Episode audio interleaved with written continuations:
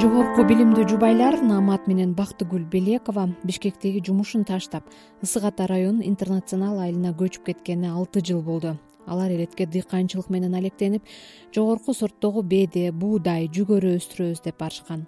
Насыяга кымбат баалуу уруктарды сатып алышып фермерликти жубайлар беш алты гектар айыл жерин ижарага алуу менен башташкан бирок алгачкы эле жылы алардын тилеги орундалбай банкрот болушканын бактыгүл белекова мындайча баяндайт. Изилдеп чыгып туруп биз италиянын бир килограммы беш жүз сомго сомдон болгон джея деген беде уругун алып келгенбиз. Аны биринчи жылы тиккенде ошол биз биринчи проблемага душар болдук бул деген сугат проблемасына. Айыл чарба министрине чейин барганбыз да барып ошол жерге чейин териштирип эмнеге мындай болуп атат деп анан бирок ошондой болсо деле бул эч ким чечип берген эмес. Ошентип биз э, биздин биринчи жылкы жаңы баштаган түшүмүбүз жок болуп калган деп айтсам жаңылышпайм. Андан тышкары биз ушу алты жылдан бери жүгөрү да айдадык э, мына быйыл буудай айдадык э, беде арпа да айдадык ошо баардык культураларды айдап көрдүк да. Бирок мисалы ар бир культура бул деген өзүнүн бир определенный эмеси болот экен да. Сугаруу ыкмасы жана мөөнөтү жана канча жолу аны сугарыш керек ошондой болот экен.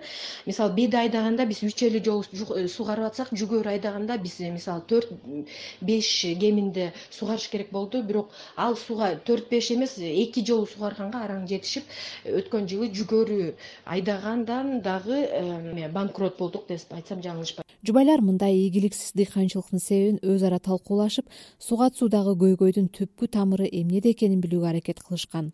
Алардын айтымында суу бөлүштүрүү тармагындагы чаржайыт саясат жең ичинен сууну сатуу сыяктуу терс көрүнүштөр дыйкандарды суусуз калтырууда.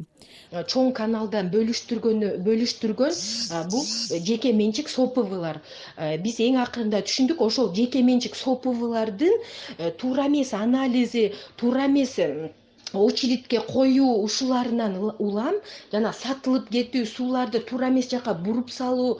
Мисалы ошондой эле бул жерлерде карьерлер бар э, кум шыбак чыгарган. Алар дагы суу менен ошо өзүнүн кумун шыбагын э, жууп туруш керек экен ташын куруу иштерине керектүү материалдарды жууш керек экен. Ошол жака да буруп жиберди деген сөздөрдү угуп аттык да.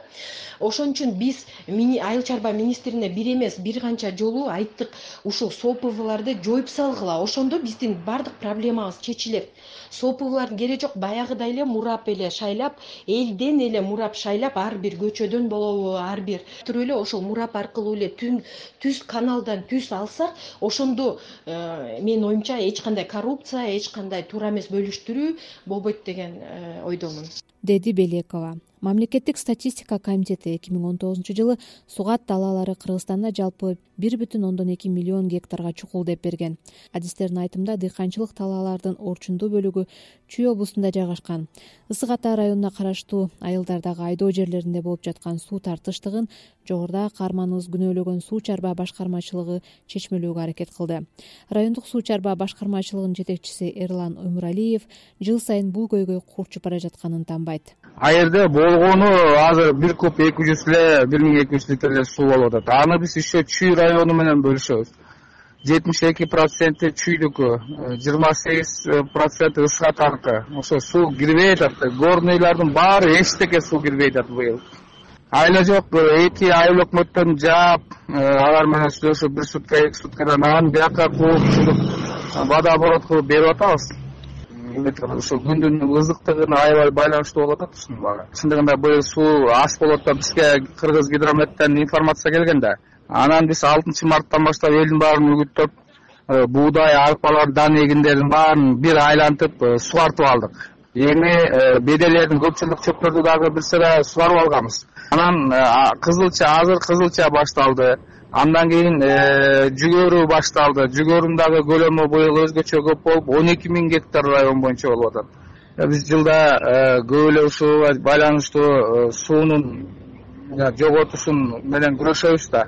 Жер арыктар барго ошолордун баарын көбүнөсүн эми бюджетке жараша эме кылып атабыз.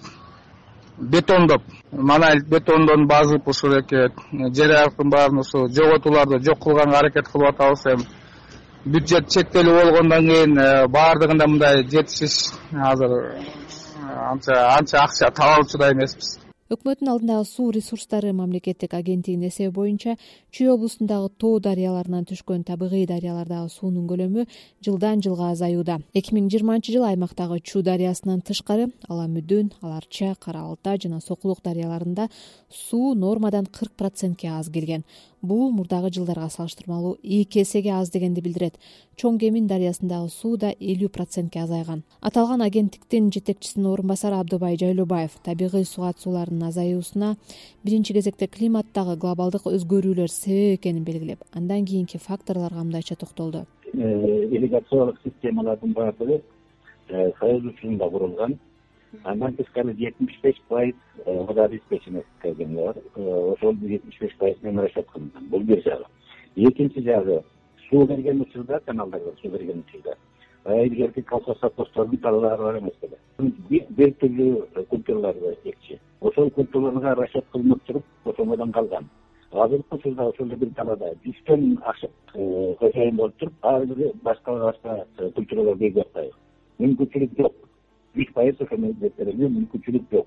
Ошондуктан аркылуу дагы рекомендация болуп э, мына мына культураларды эксеңер болот эле дегендей кылып жумуш аткарылса бизге да жакшы болот. Э, антпесе э, бирөөсү кулпун эгсе экинчиси буудай эгип атат үчүнчүсү дагы бирдемени эгип атат. Мисалы мурдагы бир учурда ошол талаага бир жума болобу он күн болобу бир суу берилип сугарылып калса эми ошол эле талаага бир он күндүн ичинде он жолу өзгөрүш керек болуп атпайбы андан тышкары дагы баардык эле баягы сууну көбүрөөк э, сугарат турган нормасы көбүрөөк болгон культуралар эгип алгандан кийин каналдын көлөмү аны мүмкүнчүлүк азаттык радиосунун жашыл планета берүүсүн угуп жатасыз студияда бактыгүл чыныбаева. Сугат суу көйгөйү жеке эле чүй боорунда эмес өлкөнүн баардык аймактарында азыр курч болууда. Тилекке каршы бир радио берүүгө баардык облустардагы проблеманы батыруу мүмкүн эмес экен. Баткенде бир топ түшүм бере турган жерлер азыр суусуздуктан улам кысыр калып жатат. Аймактан кабарчыбыз жеңиш айдаров баяндайт. Кадамжай районунун тургуну хамыт имаркулов башкарган чарбанын сегиз гектар жеринин төрт гектарына гана буудай айдаган калган жарымы сууга суунун тартыштыгынан мурда иштетилип келген жерлер быйыл кысыр калды дейт. Гиляс бар чаптоолу башка бүтүн мере бар ушул дагы жазында үч жол төрт жол жалбырагын таштап жиберет. Суу жок. Мына мынтип өзбектер канал өткөн ушу өзбектер алса гана жыргап калабыз. Өзбектер алса биз куруйбуз. Мына будайыбыз да ошондой. Биздики өтө таштак жер. Мына жерди карасаң ошондой болсо биз аракет кылып атабыз. Эки эгенасак да болот. Эгерде суу болсо башка болсо мына ордуга жүгөр эксек да болот суу жок ошол бир көңүл буруп коюшса аны экелерибиз менен алганыбыз сегиз гектар жер.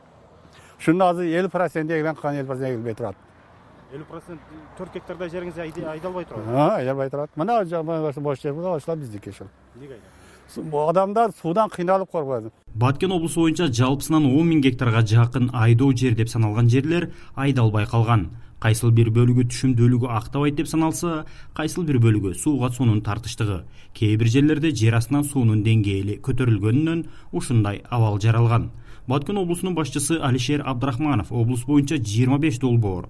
Сууга суу маселесин чечүүгө багытталып каржылоо үчүн өкмөттүн казынасынан акча суралганын айтат. Проекттерди даярдап э, катты биз өкмөткө жолдодук. жыйырма беш проект кылдык. жыйырма беш проектти биз ар бир айылга жана болбосо райондорго бөлүп бирдей кылып туруп бөлүп туруп биз азыркы күндө ушу каналдарды чыгарганга биз азыр проекттерди сунуштап атабыз. Буюрса өкмөтүбүз колдоп берсе биз ошондо Э, жыйырма беш проектибиз өтө турган болсо кудай буюрса өтө чоң иш болот баткен облусуна айыл чарба министрлиги өлкө боюнча сууга суу маселесин чечүү үчүн элүү сегиз миллиард сомго долбоорлорду даярдап иш каржы маселесине келип такалган. Аны өкмөт колдоого алса ички жана тышкы мүмкүнчүлүктөрдөн караштырабыз дейт. Айыл чарба тамак аш өнөр жай жана мелиорация министри эркинбек чодуев. Сугат маселеси чын айтканда бизде чоң программа кабыл алынган. Аны баардыгыңар билесиздер.